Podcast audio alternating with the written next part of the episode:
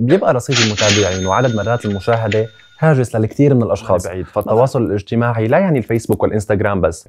ويلي ممكن تكون الكسب المادي وزيادة مستوى الدخل.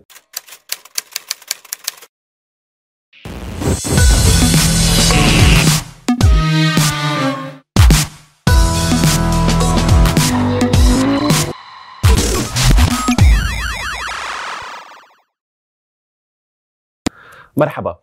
اليوم لما بنقول social media أول الأشياء يلي ممكن تخطر على بالنا هي ال influencers وال bloggers والحياة الوردية يلي بيشاركوا تفاصيلها مع المتابعين. وبالتالي ممكن نقول إنها صارت وسائل استعراض وليست مواقع للتواصل الاجتماعي. بترجع أصول هي المواقع لزمن بعيد فالتواصل الاجتماعي لا يعني الفيسبوك والإنستغرام بس وإنما انوجد وتطور مع تطور الإنسان بداية من كتابة الخطابات الورقية وبعدها ظهور التلغراف والراديو والتلفزيون. وصولا للاختراع الأهم الإنترنت. يلي بدوره أيضا طور وسائل الاتصال الشخصي مثل التليفون والموبايل الموجود بكل تفاصيل حياتنا والحافظ لكل أسرارنا.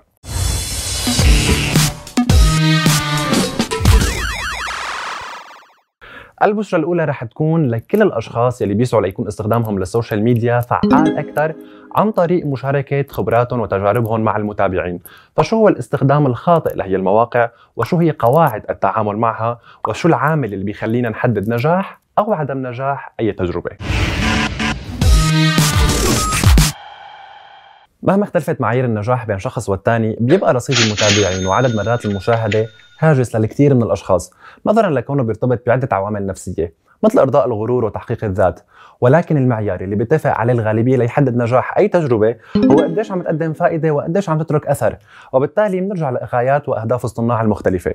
ويلي ممكن تكون الكسب المادي وزيادة مستوى الدخل أو الشهرة أو حتى تقديم رسالة مؤثرة ولو بدون مقابل.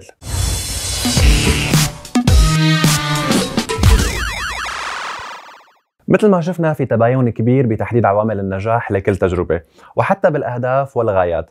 والسبب لوجود هالاختلاف هو طريقة تعاطي كل حدا مع السوشيال ميديا. فناس بيعتبروها مجرد وسيلة لتعزيز ودعم التواصل الاجتماعي على أرض الواقع. وناس بيعتبروها وسيلة للتعارف. يعني الانفتاح على ثقافات جديدة.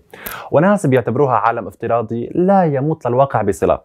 الخلاصة من هذا الكلام إنه من المتعب ويلي مو صح ابدا إنه يكون عالمنا الافتراضي ما بيشبه واقعنا سواء كان بصفاتنا كأشخاص أو حتى بطريقة تعاملنا مع الأصدقاء والمتابعين.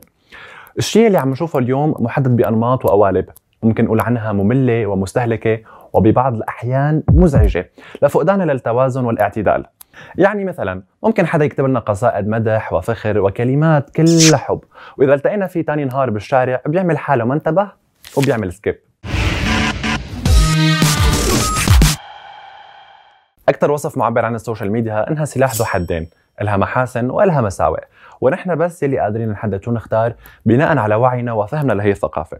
وأول خطوة لنقدم تجربتنا هي تحديد الهدف من وجودنا ضمن هذا العالم، شو الأشياء يلي حابين نكتسبها عن طريق المشاهدة والمتابعة، وشو الرسالة يلي بدنا نقدمها، وهي كانت رسالتنا بمشروع بشرى الأول، وهيك بنكون بلشنا معكم رحلة عنوانها الحلم، الإيمان، الجرأة والفعل.